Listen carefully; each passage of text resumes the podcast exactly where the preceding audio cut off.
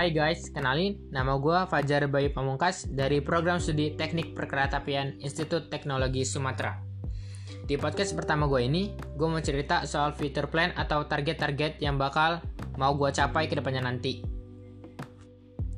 Sebelum masuk ke situ, alasan gue milih prodi ini karena gue tertarik banget soal kereta api dan ditambah prodi ini cuma ada satu di Sumatera.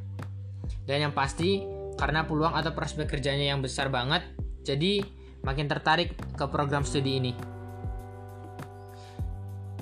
Dan diterimanya gue di ITERA di prodi ini termasuk salah satu target gue yang udah tercapai.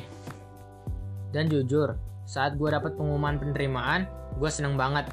Tapi bakal banyak juga target-target yang harus gue kejar ke depannya kayak mendapatkan IPK yang tinggi, itu udah termasuk fitur plan gua. Karena dengan IPK yang tinggi, bisa mendapatkan poin plus buat daftar di perusahaan-perusahaan yang besar di Indonesia.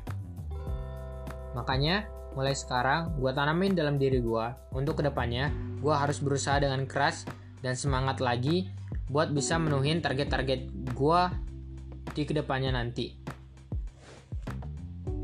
Dan gak lupa untuk berdoa. Karena usaha tanpa doa sama aja kayak tubuh tanpa kepala.